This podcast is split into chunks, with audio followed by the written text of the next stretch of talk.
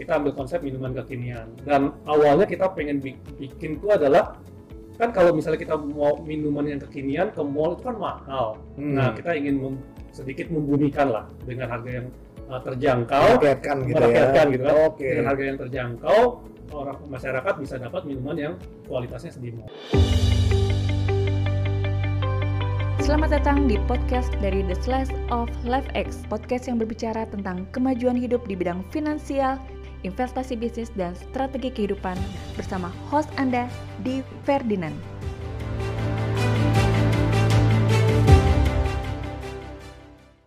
Hari ini saya ditemani oleh Juanda Rovelin. Beliau adalah founder dari Sweet Escape. Ya, Sweet Escape ini adalah salah satu fenomena program kemitraan yes dari minuman ya. ya betul nah, sekali boleh cerita nggak bro? Eh, apa sih latar belakang Sweet Escape ini? Kenapa sih sekarang udah berapa gerai ini? sekarang yang udah buka udah 9 Sembilan. 9 dan nanti di bulan ini kita ada rencana membuka 6 lagi Enam lagi ya. yes Itu dari kapan mulainya?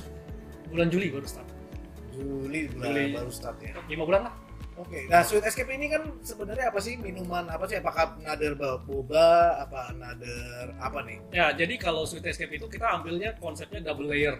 Jadi minuman dua rasa.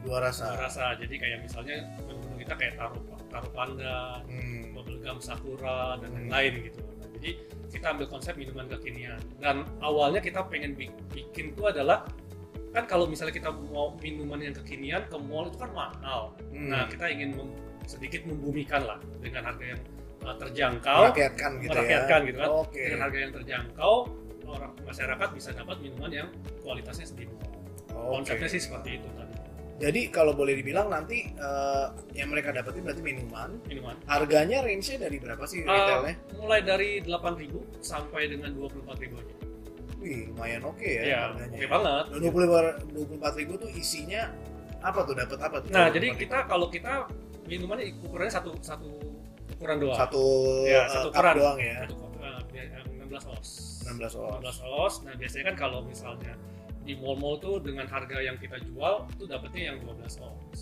Hmm. yang kecil Jadi dapat value ya for Iya. money ya artinya ya Jadi dapat dapat lebih banyak rasanya nggak kalah karena kita suppliernya juga sama dengan apa yang di, ada di mall. Oke. Nah ide-ide minuman dua layer ini kan jarang didengar ya. Mhm. Nah ide dari apakah memang nyontek dari luar atau memang emang ini dari luar memang dibawa ke Indonesia atau gimana? Nah kita sih sebelum sebelum bikin konsepnya kita coba research dulu lah ya, maksudnya sedikit Oh, research gitu kan di mall tuh. Ini minum- produk lokal jadi. ya? Iya produk kita sendiri. Oh, tapi Iya. keren ya. Iya. Ini nih baju suit escape nih. Sweet Escape. Ah, ah.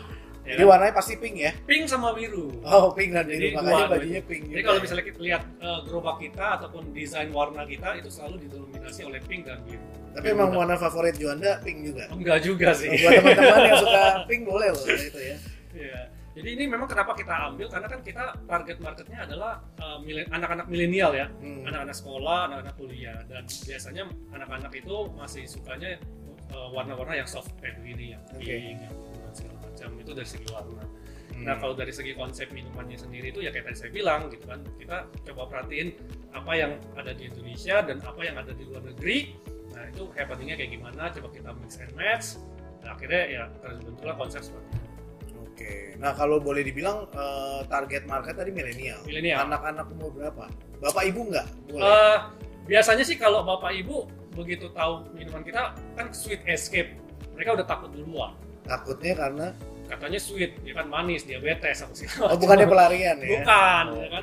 Jadi eh, nah, kalau orang tua itu biasanya mereka lebih prefer kan ke kopi. Hmm. Nah kalau bisa kita, kita bikinnya warnanya warna-warni dan segala macam, rasanya manis, ya itu tadi sweet escape pelarian yang manis. Pelarian yang manis. ya.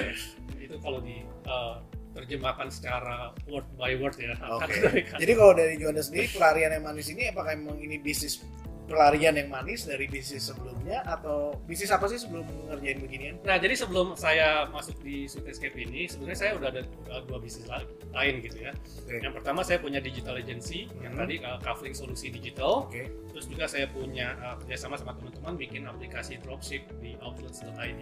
Outlets.id. Iya. Boleh ceritain satu-satu tuh apa sih? Oke, jadi kalau misalnya Kavling Solusi Digital itu, uh, itu adalah sebuah digital agency di mana kita menghandle social media dari perusahaan-perusahaan. baik Hmm. itu uh, konten, campaign, uh, bahkan buat website, buat aplikasi itu kita bisa handle juga. Dan target marketnya yang di handle itu Corporate. Corporate. Ya, corporate kita nggak main di bawah.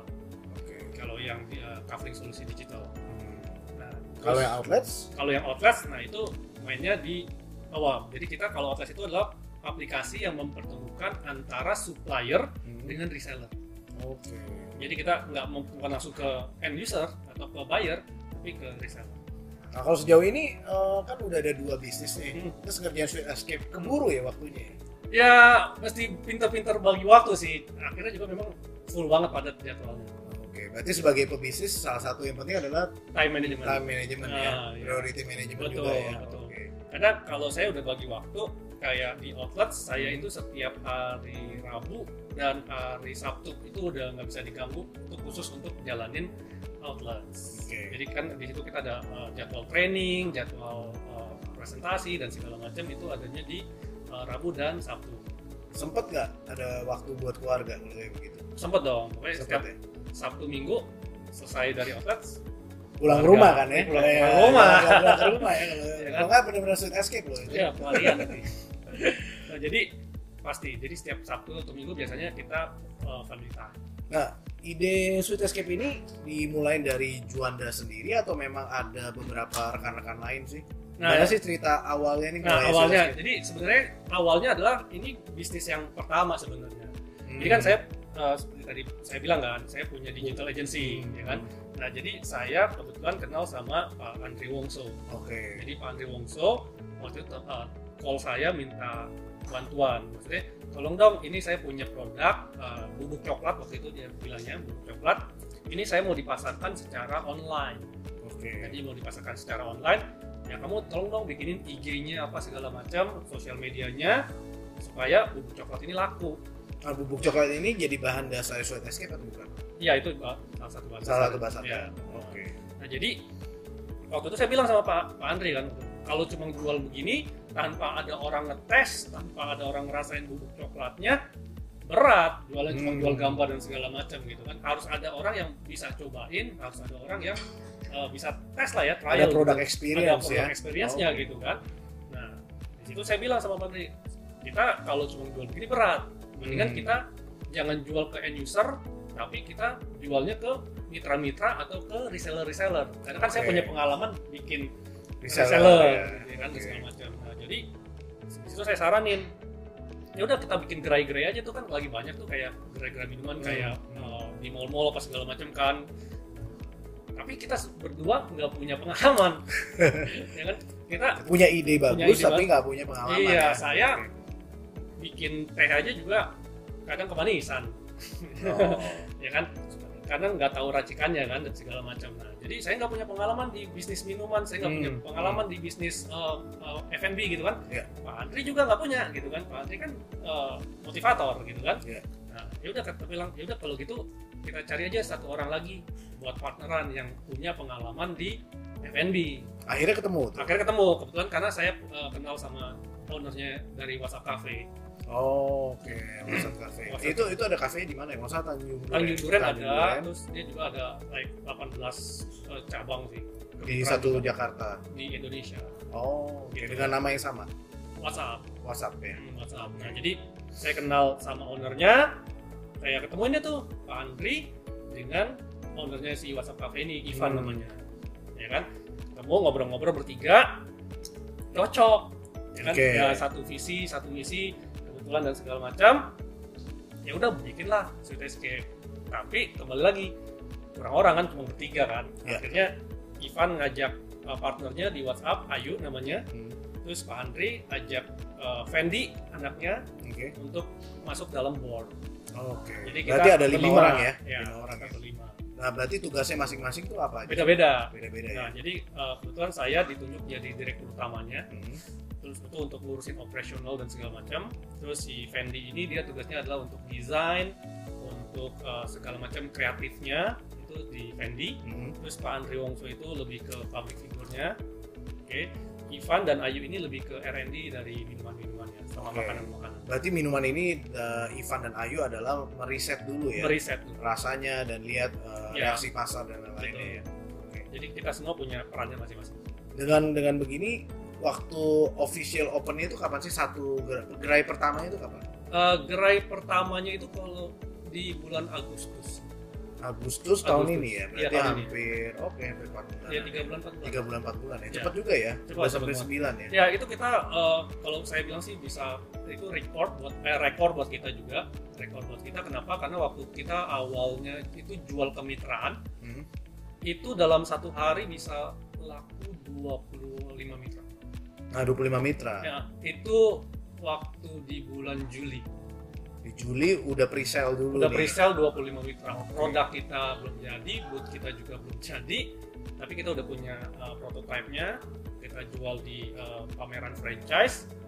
Kita bilang ini adalah konsep kemitraan bukan franchise. Hmm. nah kebetulan diterima konsepnya Oke. jadi Nah, pasti menarik nih. Ada pertanyaan, apa bedanya konsep kemitraan dan franchise? nah, Oke, boleh dijelasin juga nah jadi kalau misalnya konsep franchise itu itu Hmm. ada peraturannya sih Hmm. nah peraturannya itu uh, dia sebuah perusahaan yang minimal udah tiga atau lima tahun seperti itu Oh, berarti dia adalah perusahaan. ya, ya perusahaan, ya, perusahaan, ya. perusahaan. Kita, kita juga tetap perusahaan ya kan. Terus juga dia udah profit, Hmm. terus dia juga punya lisensi pewaralaba. Oh, Oke, ada ada Ada lisensinya. lisensinya, ya, sertifikatnya ya. Ada sertifikat pewaralaba. Jadi kalau misalnya uh, pengusaha belum punya lisensi Hmm. itu, belum memenuhi syaratnya, dia nggak boleh dibilang sebagai bisnis franchise. Kalau dia Oke. bilang di bisnis franchise, itu kena kasus. Oke, berarti boleh dibilang masih mitra ya sekarang. Masih mitra, jadi kita konsep kemitraan. Oke, berarti nanti setelah 3 sampai 5 tahun mungkin baru bisa masuk franchise gitu Yes, ya. kalau nanti udah 3-5 tahun sudah terbukti bisnis uh, modelnya, Oke. kita ambil lisensi pewaralaba baru kita boleh bisa dibilang bisnis franchise. Nah, ini menarik banget nih. Kan ini brand Sweet Escape ini baru. Ya. Tadi eh, nggak nyampe 3 bulan udah punya 9 gerai. Ya. Bahkan tadi pre-sale 25 ya. Berarti Pre-sale 9 udah 25. dibuka. 9 25 ini total semua akan dibuka kapan? Eh, kita sih rencananya kan bulan ini aja kita udah membuka 6 lagi. 6 lagi. Ya, Berarti bulan November ini bulan udah November 6 lagi ya. Mudah-mudahan sih di awal 2020 mereka sudah buka semua. Karena memang yang kesulitan yang kayak eh, kesulitan dari mereka adalah cari tempat. cari tempat ya. Hmm, Jadi kita nungguin mereka cari tempat. Nah, tempat-tempat yang cocok untuk gerainya Sweet Escape itu seperti apa sih? Nah, yang sudah kita pelajari selama 3-4 bulan ini pertama adalah dekat sekolah. Ke sekolah. Dekat sekolah, dekat kampus, Hmm. ya kan itu udah paling enak nih. Kayak gitu. Dekat perumahan juga boleh. Boleh ya. Nah. Jangan pasti jangan dekat rumah sakit ya. Dekat rumah sakit pengalaman eh, satu gerai kita kita tes taruh dekat rumah sakit Sepi. sepi. Takut ya ada rumah sakit sama minum manis ya. Iya, iya. Berarti lumayan ya kesadaran akan eh, apa minuman manis atau diabetes ya. ya mungkin kayak gitu. Ongkosnya lebih mahal. Ya. Tapi sebenarnya ya kita kan juga ada takarannya lah, ya kan. Dan kalau misalnya memang diminum secara wajar gitu kan nggak mungkin Ya, juga. pokoknya semua apa pun yang berlebihan bahkan Iya. manis-manis juga ya. Iya, iya. Nah sebenarnya ada story nggak sih dengan nama pelarian termanis ini? Lo punya story sendiri kayaknya nih. Enggak, sebenarnya gini, maksudnya eh, si Sweet Escape ini sebenarnya nama yang memang nggak nggak direncanakan awalnya. Oke. Ya kan? Karena kan dari awal kita tujuan utamanya adalah jual bubuk coklat, Hmm. ya kan. Jadi sebenarnya waktu itu kita udah pusing tuh cari nama tuh, like tujuh bulan, Oh nyari nama tujuh bulan. tujuh bulan. Jadi wah, kalau nggak salah itu kita mulai meeting pertama kali itu di bulan Ok- Oktober Tahun lalu. tahun lalu. Oke.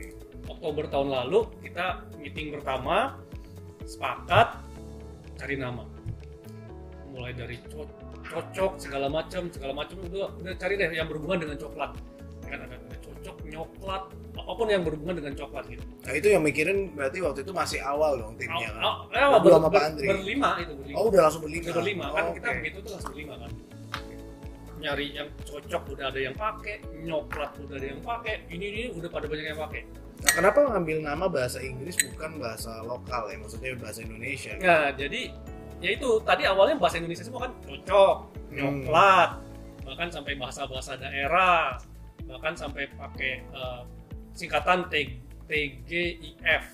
Thank God it's Friday. Ya, Bukan. bukan, bukan Friday gitu kan. Bukan TGIF, TGIC. Thank God Is coklat. is coklat. Ya kan?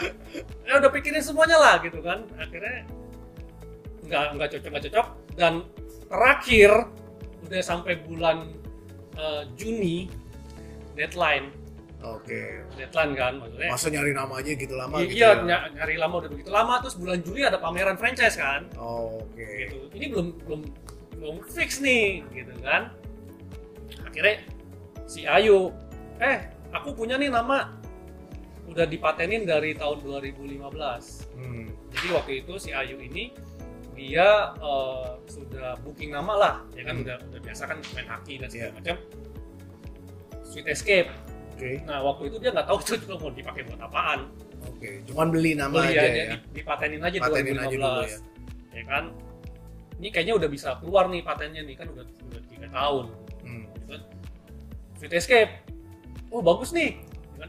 itu juga kita masih belum Yakin juga. bukan bukan yakin belum sadar ada satu merek juga yang sama juga namanya Sweet Escape di Indonesia Nah itu merek apa tuh? fotografi Pernah dengar juga sih. ya kan nah kira ya udahlah nggak apa-apa lah kita pakai aja kan memang udah paten juga udah udah udah dihaki juga ya udah Tapi kan kita- boleh kan kalau industri Boleh, boleh, lain. industrinya Kan lain. kan fotografi, yang ini makanan. boleh Nggak masalah ya. masalah jadi ya udah kita pakai ini aja lah kebetulan udah dihaki ya udah kita langsung eksekusi langsung buat PT Hmm. langsung buat PT itu tanggal 2 Juli kalau nggak salah. 2 Juli. 2 Juli buat PT jadi bulan Juni sudah di fix namanya Eh, bulan 2, tanggal 2 Juli itu buat PT Eh, pertengahan pertengahan Juli itu udah pameran Oke.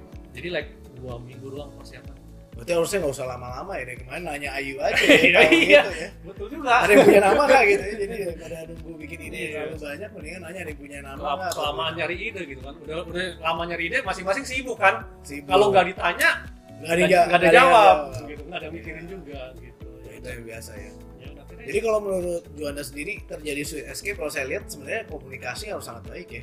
harus namanya bisnis eh, partner juga harus tekniknya bagus sih karena kebanyakan mungkin kalau kita lihat banyak masalah karena miskom aja sih. Miskom ya, Ya, miskomunikasi. ya miskomunikasi dan segala macam. Akhirnya jadi merasa oh kok gue begini ya? Kok dia begitu ya? Akhirnya pecah. Nah ini ada strategi digital marketingnya nggak sih untuk membantu Sweet Escape untuk naikin pengaruh nggak gara-gara tadi bisa 9 gerai itu ada strateginya nggak? ada dong. Jadi Ada kalau ya? kalau misalnya kita di Sweet Escape ini kita selalu spend budget ya karena kita masih mulai juga kita buang minimal 5 juta buat endorse buat kasih influencer terus Masih iklan influencer. segala macam Itu belum termasuk ngasih produk secara gratis Iya. gitu ya, Ya, minimal Oke. kita buang 5 juta minimum ya. kita udah kita udah pikirin spend budgetnya 5 juta Dan dapat hasilnya lumayan. Eh, ya lumayan lah penambahan follower terus ada juga yang nanya-nanya tentang kemitraannya dan segala Hmm. macam Ikuti terus episode dari The Slice of LifeX dengan follow sosial media kami di Instagram dan YouTube LifeX Academy. Dan juga dapatkan konten-konten eksklusif tentang dunia keuangan di www.lifexacademy.com. LifeX Academy, multiplying your life meaning.